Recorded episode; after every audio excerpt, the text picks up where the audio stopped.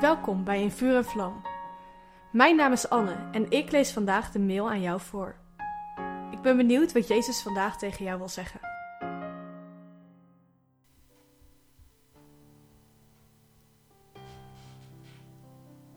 Vandaag gaan we het hebben over het tweede stukje van de tekst waar we vorige keer mee zijn begonnen. Streef naar de gaven van de geest. En dit staat in 1 Korinthe 14 vers 1. Paulus schrijft dit naar de gemeente in Korinthe. En dit was een gemeente waar veel misging, juist ook op het gebied van de gaven van de geest. Mensen deden stoer met hun gaven, ze voelden zich beter dan anderen en de diensten waren een grote chaos. Maar toch zei Paulus tegen hen: streef. Je zou denken dat hij juist tegen deze kerk zou vertellen dat ze zich nu maar even ergens anders mee bezig moeten houden. Maar dat doet Paulus niet. Hij legt ze in deze mooie brief uit hoe ze op een gezonde manier kunnen streven naar de gaven van de geest. En we kunnen hiervan leren dat we ons altijd moeten blijven uitstrekken. Of alles nou goed gaat of juist niet, blijf je uitstrekken. Ik geloof dat een opdracht is voor alle gelovigen om te streven naar de gaven van de geest. Niet een leuke suggestie, het is een opdracht. Jezus belooft ons dat we kracht zullen ontvangen op het moment dat de Heilige Geest over ons komt. Zie Handelingen 1 vers 8.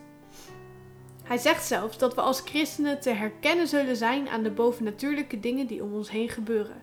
Zie Marcus 16 vers 17 en 18. De gaven van de geest zitten niet in een soort Christen Plus pakket. Het zijn gaven voor iedereen, ze horen bij het basispakket. Maar hoe moet dat dan, streven? Nou, het is eigenlijk best simpel. Als jij een goed cijfer wilt halen op je toets, dan ga je leren.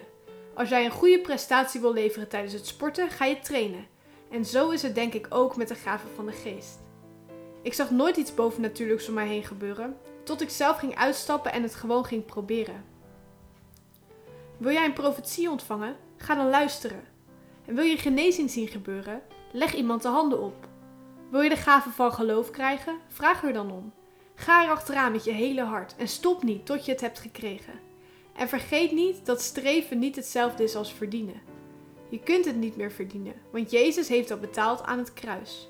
Het zijn cadeautjes van de Heilige Geest, maar je moet ze wel aanpakken en uitpakken. Vraag God of Hij jou meer van Zijn krachten wil geven, maar ga ook gewoon oefenen. De aankomende weken zullen niet alleen maar theorie zijn, want Gods koninkrijk is een koninkrijk van kracht. We zullen de aankomende dagen dieper op elke afzonderlijke gave ingaan en praktische tips ontdekken om te oefenen met deze gaven. Doe je mee? Dit kan je leven veranderen. Trouwens, je vindt alle gaven van de geest op één rij in 1 Korinthe 12 vers 8 tot 10. Kun jij ze alle negen ontdekken?